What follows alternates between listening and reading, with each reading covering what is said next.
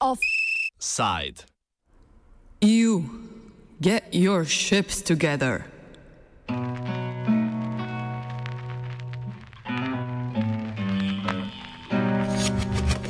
Ko je Centr za usklajevanje in reševanje na morju ladji Ocean Viking danes vendarle dovolil upluti v pristanišče Messina na Siciliji, je presekal petdnevno agonijo 182 rešenih prebežnikov, med katerimi je bilo šest otrok in nosečnica, ter članov organizacij SOS Mediteraneje in zdravniki brez meja.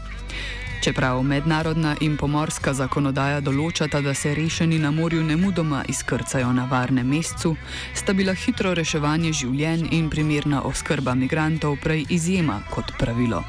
K temu je občutno pripomogla tudi pravno najmanj vprašljiva praksa držav, v prvi vrsti Italije, pod vodstvom nekdanjega notranjega ministra Mateja Salvinija, ki pred izdajo dovoljenja za vplutle ladji z rešenimi prebežniki, ne pa tudi za njihovo izkrcanje, izkrcanje zahtevajo načrt porazdelitve migrantov med državami, ki bi jih bile pripravljene sprejeti.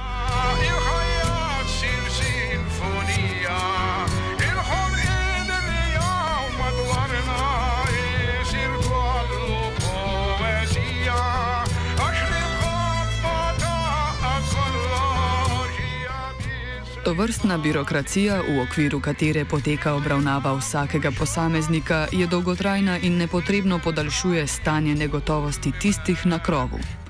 Tudi zato so se notranji ministri Finske, Francije, Italije, Nemčije in Malte na Vitoriosi sešli s predstavniki Evropske komisije, med drugim z Evropskim komisarjem za migracije in notranje zadeve v odhajanju Dimitrisom Avramopolousom, s katerim so dosegli soglasje o začasnem mehanizmu za samodejno porazdelitev prebežnikov rešenih na morju. Kaj so se dogovorili, povzame Eve Gedi, direktorica bruselske podružnice Amnesty International.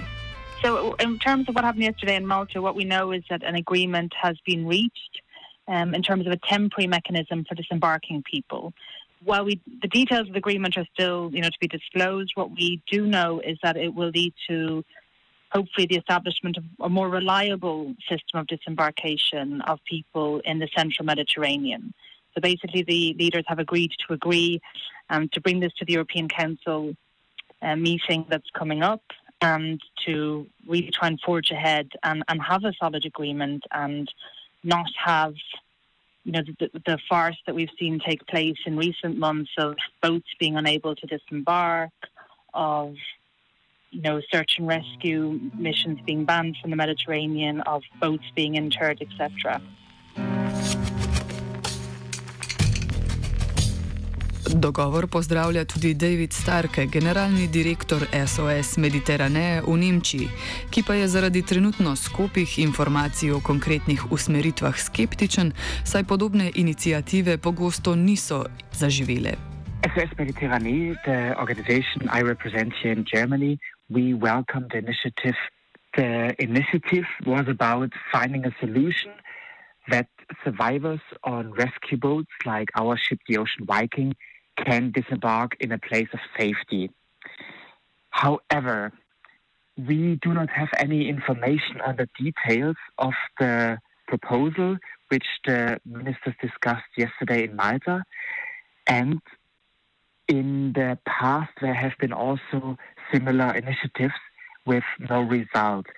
What we like to emphasize is that there is a need for solidarity with the coastal states who receive the people, the survivors on board.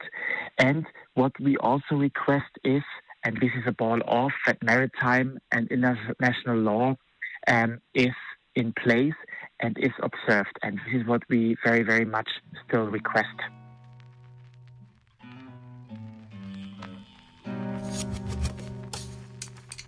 Dokument bo služil kot osnova za širši dogovor na ravni Evropske unije, ki bi reformiral neučinkovit dublinski sistem. O njem bodo razpravljali na naslednjem srečanju notranjih ministrov, ki bo potekalo 8. oktober v Luksemburgu. Kaj pričakovati od srečanja in kje se lahko zaplete? Gedi. So we do see it as a positive step ahead. It's showing that certain countries are, you know, feeling confident to, to step out and say, yes, we would be on board um, for disembarking people. But the issue that will need to remain resolved is also the relocation, because of course, once migrants will be disembarked, the issue will come about receiving them in, in safe and humane conditions, and then also making sure they're relocated. So that will be the, the issue that will need to be discussed in the upcoming council meeting. Za uspeh inicijative je pomemben predvsem pristop čim več držav, pri čemer Gedi apelira tudi na Slovenijo. Yeah, I mean, what we will really need now is for member, more member states to join. Um, it's a good sign in that the leaders who were there showed that they will look for a more responsible and humane approach to managing migrations. But indeed, to go beyond this being a temporary stopgap measure, we do need um, more member states on board and we need a more permanent solution. And I know that Slovenia is also one of those countries that we hope would you know, look at this mechanism and also consider joining um, those member states looking for a longer term, more sustainable solution.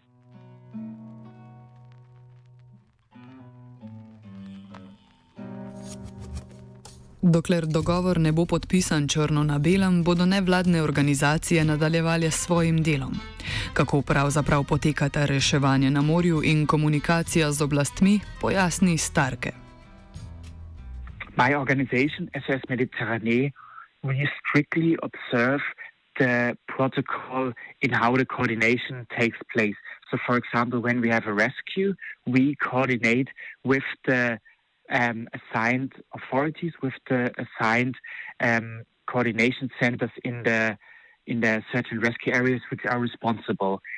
We observe what the coordination, what the orders, what directions they give us. In this case, we requested a port of safety from the Italian authorities, which eventually was granted. And based on the granted of the port of safety and the order to go to Messina in Sicily to disembark the people, we observed and we followed that route, resulting in the disembarkation today. Gedi na drugi strani izpostavlja pomankljivost vloge institucij Evropske unije in izvajanja akcij, kot je denimo operacija Sofija. Breme tako pade na nevladne organizacije, katerih vloga pa je brez vsaj načelne podpore v javnosti mnogokrat omadeževana. I mean, what we, we think it's really important is also rather than, you know, leaving this responsibility of rescuing people and, and the search and rescue um, missions to NGOs is to actually have you know an EU state search and rescue operation, something that we've you know we've seen in recent years. Um, operation Sophia uh, is you know, still working, but they don't have any naval capacity. Um, so this is definitely an issue we're very concerned about. And the other side of that is, of course, NGOs are playing a crucial role, um, but they are also facing criminalization and being stigmatized for the vital role they're playing and the fact that they are stepping up and, and taking on what is should be states' responsibility. And we see them being criminalized and stigmatized for that. Odklonilen odnos do nevladnih organizacij, ki pomagajo migrantom in do migracij samih, je seveda odvisen od diskurza, ki je prisoten v družbi. Kulture strpnosti pa se v Evropski uniji, katere del je tudi resor za zaščito evropskega načina življenja, ne, ne bo dalo enostavno gojiti. Kako torej izboljšati podobo NGO-jev v javnosti? I think one way is the, of course, the way we talk about refugees and migrants, and the way we talk about those supporting them. You know, if we talk about migration as an illegal phenomenon and we talk about people as illegal migrants, of course, it's logical to the general public that anyone helping or working with these migrants are also engaged in illegal or criminal activity, and that's simply not true. You know, it's completely um, fueling this very negative rhetoric around migration and what's been called this crim- crimigration type of, of framing. I think we need to look at a more positive um, approach, both when we talk about migrants and also those supporting them. You know, this is not just um, professional NGOs. This is also about local communities. This is about, you know, lawyers on the ground and, and teachers and religious leaders and communities who are welcoming migrants and trying to ensure that they get the basic rights that they need um, to, to live and about standing up and talking for a group who are very much on the fringe of our society. And I, I know we had some concerns also about the recent framing um, by the new European Commission of you know the way of European life portfolio, and this idea that migration would be seen as something that we need to address and, and something that's somehow against our own values. So it's very important how we talk about migration, how we address it.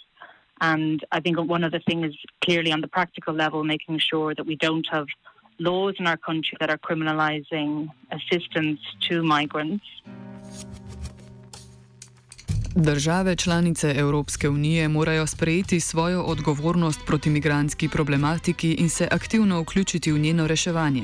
Če tudi tega ne bodo storile, starke zahtevajo vsaj spoštovanje mednarodnega pomorskega prava in kooperacijo z SOS Med Mediteraneje. For SOS Mediterranean, the ideal world would be that the European Union and the European member states take the responsibility and is in charge of a search and rescue vessel, uh, search and rescue operation, meaning they send out the vessels in order to rescue people. Knowing very well that it's not an ideal world, what we need now, and this is very, very true for our ship, the Ocean Viking, that once we perform rescues, that we are able um, to bring the survivors on board, on which we have on board, to shore safely and in a very, very quick time. This is what we demand, and this could be a good solution for the next weeks or next months to come until the European Union says, yes, we put out a mission ourselves.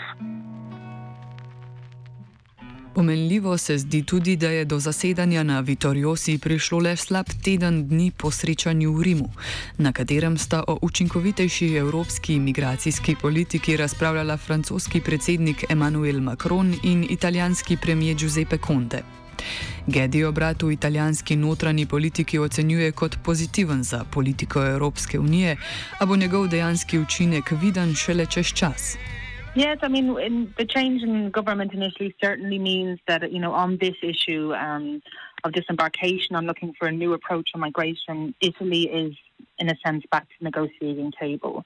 And we see positive signs in terms of the softening of the closed port policy.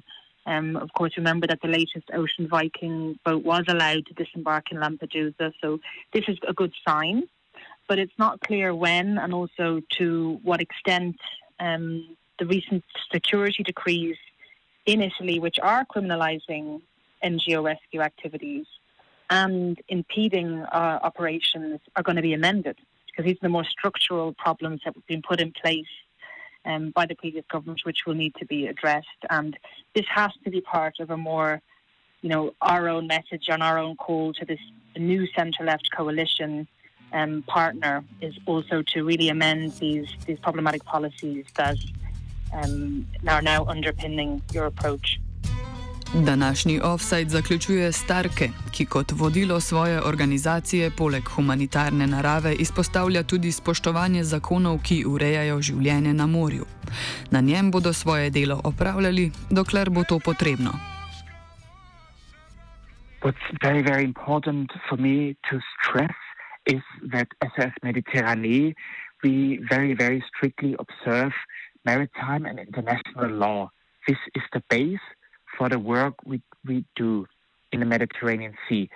We are also supported a lot, a lot by civil society throughout Europe, and this support gives us great strength and also very good hope that the very challenge of people drowning in the Mediterranean Sea will be ended very soon, and we will do and continue our work as long as it takes. Offside je pripravil žiga.